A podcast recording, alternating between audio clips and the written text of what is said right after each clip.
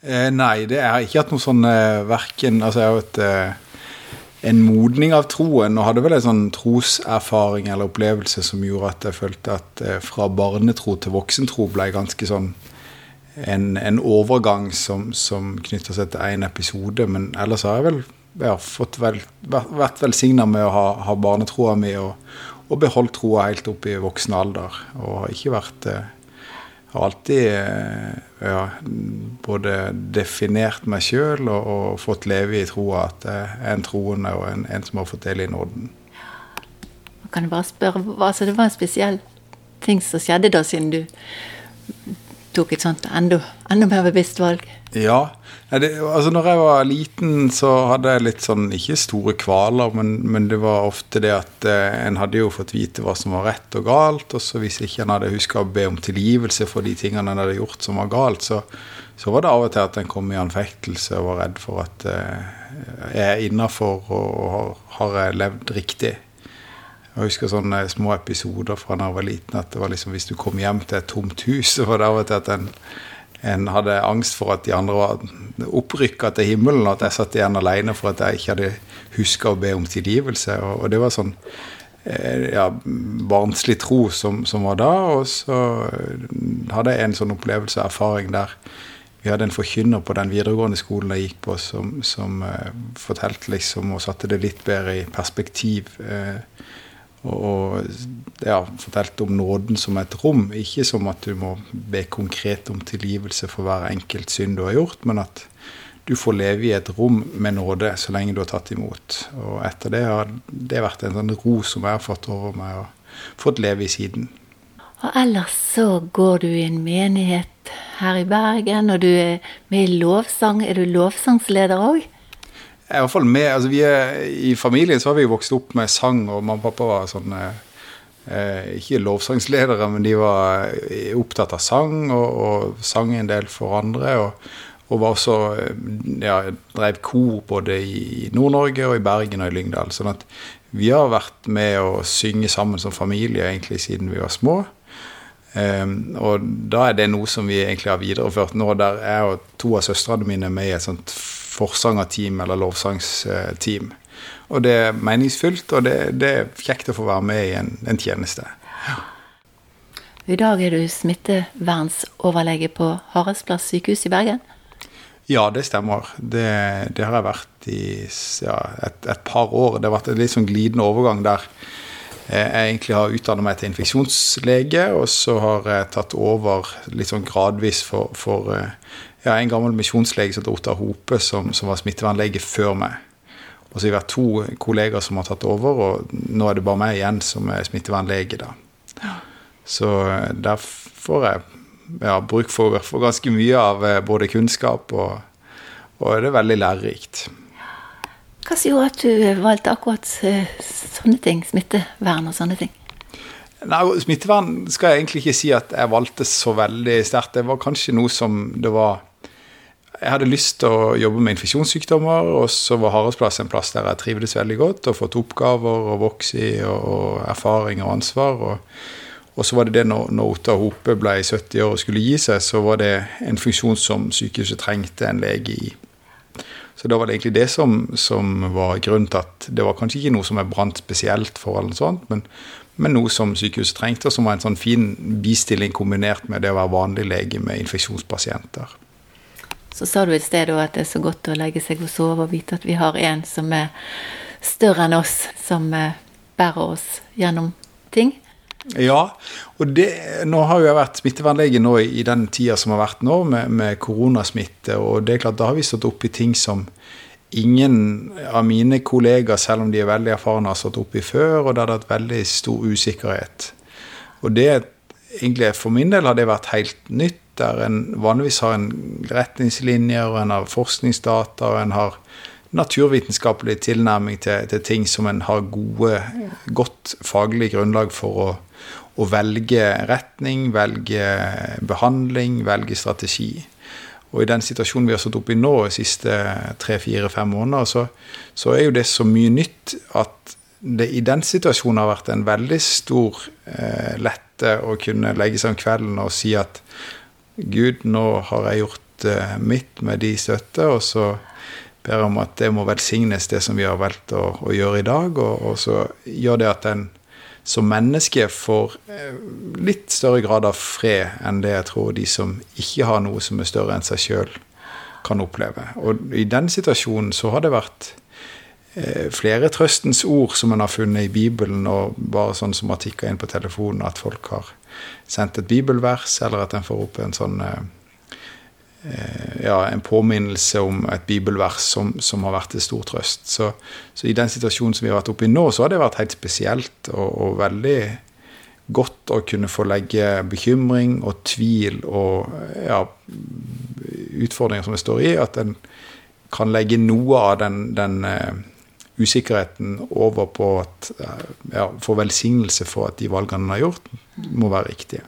Er det noen spesielle bibelvers som har betydd mye for deg nå i denne fasen?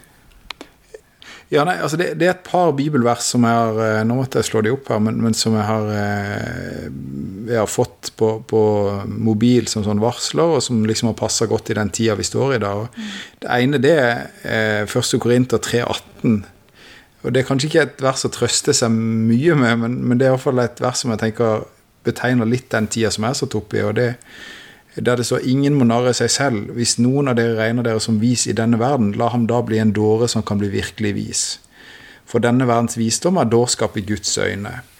Og det er ikke en unnskyldning for å la være å bruke vitenskap og kunnskap og sånt i den situasjonen vi står i, men jeg tenker at det med å sette et perspektiv over livet og over hvilken visdom og kunnskap som, som vi på jorda kan tilegne oss, og, og at eh, med det i bakhodet så kan en liksom eh, tenke at her er det andre krefter, det er andre makter som har mye større innsikt og visdom, som samme hva jeg leser, så vil jeg aldri kunne bli så opplyst. Og, og da er det en litt sånn eh, ja, da, da, er det en trygghet i å kunne tenke at her er det noe som er større enn meg, og det er ikke bare meg dette avhenger av.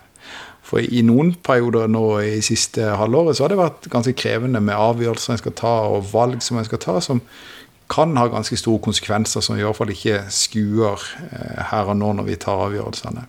Så i den situasjonen så har det vært veldig, en veldig trygghet.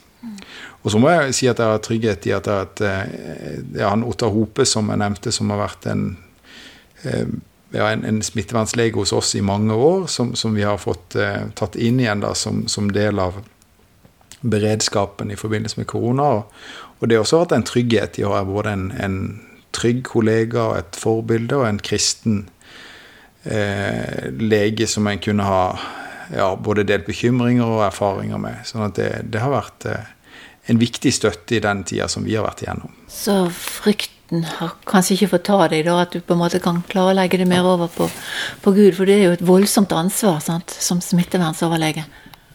Ja, det har i hvert fall vært Ja, jeg kunne lagt, eh, lagt meg om kvelden og tenkt at dette her har, har, jeg bedt for, og bedt om velsignelse over de valgene som vi har gjort. Og så har jeg fått fred og, og ro for det, og har sovet om natta og har ikke vært sånn fylt av, av, den uroen og engstelsen som en ja, godt kunne blitt hvis, eh, hvis en ikke hadde noen å legge litt av ansvaret over på.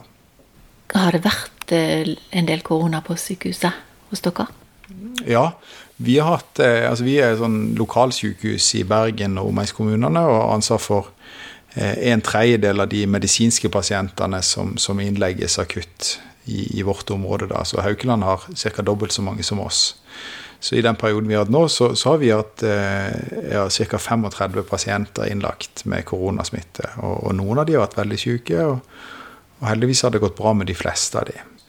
Det som vi heldigvis ser ut som, det er at dette her er noe som en med eh, en sånn dugnad i folket, at folk har tatt vare på hverandre, og at, at eh, en har tatt hensyn til de svake og de som ikke tåler å bli syke. og at det ser ut som at det, dette går ganske bra, og at i Norge så slipper vi heldig fra det. Og så vet vi ikke om det kommer en andre bølge og sånt, men i så fall så har vi virkemidler til å kunne håndtere dette, ser det ut som. Og så tenker jeg at sånn sett i et sånt åndelig perspektiv, så, så er jo det noe som, som, Bibelen også oppfordrer oss til, å ta vare på de svake og vise barmhjertighet. Og, og det tenker jeg at i så måte så har jo dette vært en øvelse i en litt sånn kristen grein av eh, en, en, kristen øvelse, det å ta vare på de svake og ta hensyn til det. Så sånn sett så, så eh, kan jeg jo se på dette som en ja, en tid der en i hvert fall investerer eh, mye som samfunn og kollektiv, og ser ut til å, å få mye igjen for det. Hvordan er det å være lege og kristen? Ja, nei, jeg, kan, altså, jeg, kan, si det at, at, det er jo på en måte litt sånn at legeyrket altså, da, er det jo, altså, da er det jo egentlig en representant for det offentlige som skal gi hjelp og sånt. Og, og, det er noen krav som gjør at det ikke bare å gå rundt og forkynne til pasienter og sånt. Der er det jo eh, en del sånne etiske eh, problemstillinger som gjør at det, det er ikke som å være en misjonær bare å jobbe på et sykehus. Um, sånn at noen av de tingene kan være ja, det, det, er ikke sånn at det nødvendigvis er stor forskjell på min gjerning og en, en lege som ikke er kristens gjerning.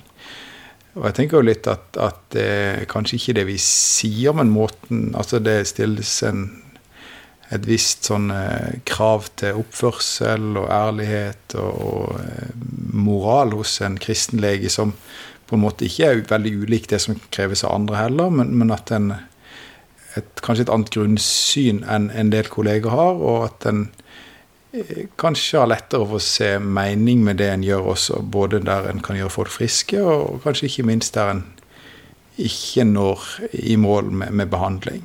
Så ikke, du finner ikke det vanskelig sjøl heller å, tro, å, kombinere troen sammen med, med legevitenskap, naturvitenskap? Eh, nei, jeg syns kanskje ikke det er sånn altså Naturvitenskapen den kan jo beskrive hvordan ting har skjedd, men den beskriver ikke meninga med hvorfor ting har skjedd. Eh, og det tenker jeg sånn Så lenge ikke naturvitenskapen har det som agenda, at det skal beskrive hvorfor ting har skjedd, så, så tenker jeg at da går det litt sånn hånd i hanske, tenker jeg. Og så er det den beskrivelsen som, som, naturvitenskapen kommer med, det er liksom hvordan og hvilken rekkefølge ting har skjedd. og det finner ikke jeg noen grunn til å betvile.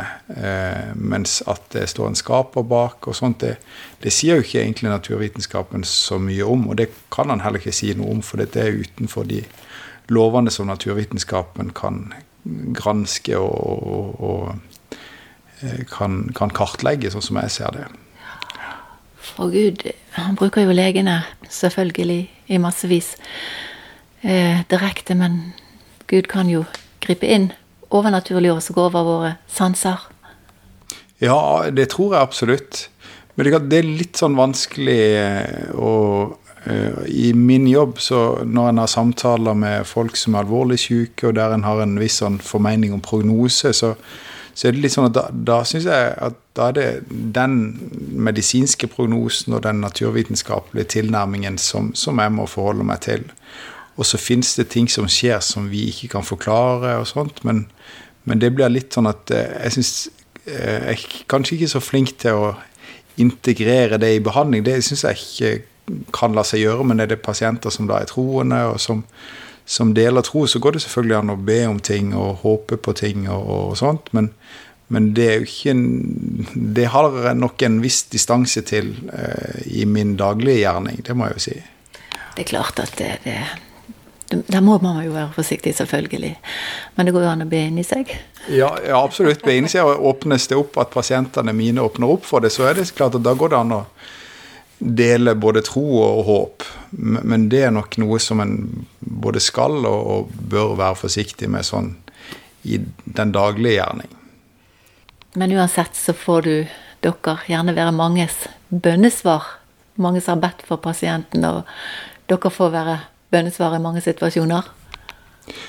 Ja, det hender iallfall det. Og det er klart at vi kan eh, At vi får en, ofte en sånn meningsfull gjerning der det kanskje er Altså, det å hjelpe folk i en vanskelig situasjon, det er jo noe som oppleves som veldig givende. Og ikke minst når, når en har eh, ei tro som sier at det er noe som vi skal gjøre, at vi skal være til hjelp for andre, og vi skal eh, ja, at, at, at, vi har et oppdrag her på jorda, og det å være gode med hverandre og se våre medmennesker, så er jo det noe som, som lett lar seg kombinere med mitt yrke, syns jeg.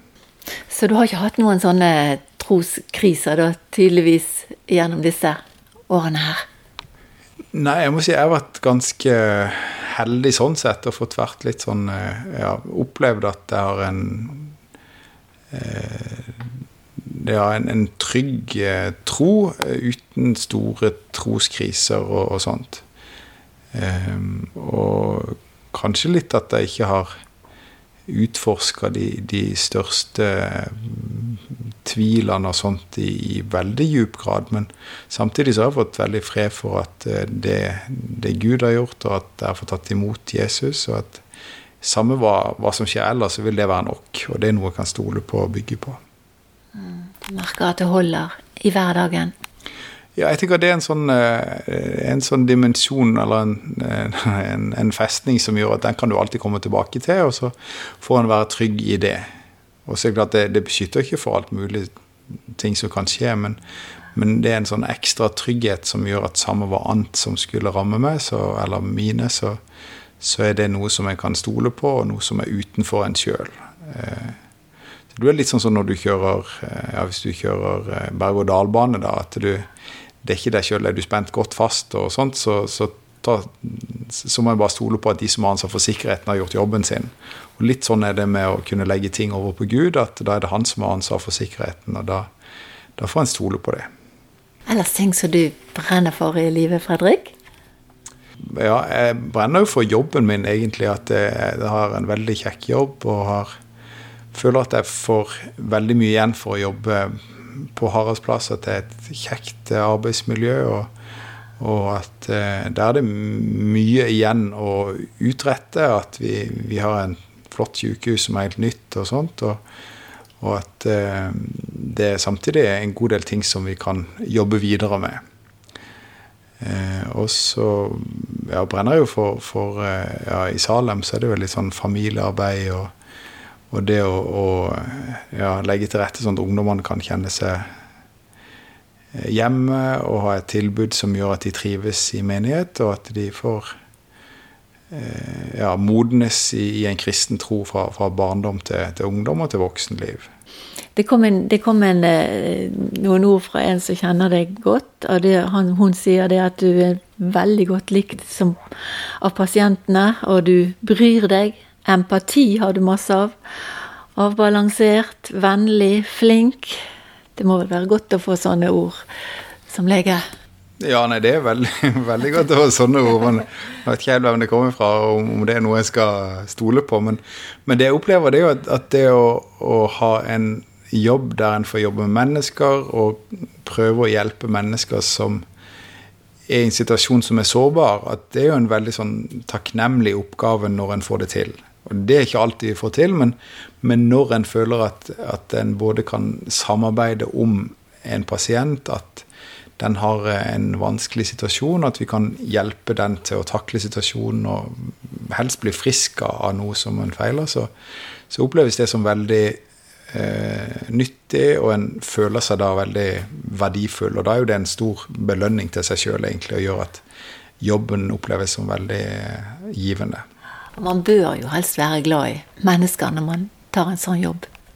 Ja, det er på en måte det som er bonusen med den jobben. sånn at det, det er sånn at det, eh, det, det du får igjen av pasientene, det er, jo, det er, jo, det som gir jobben mening, for min del.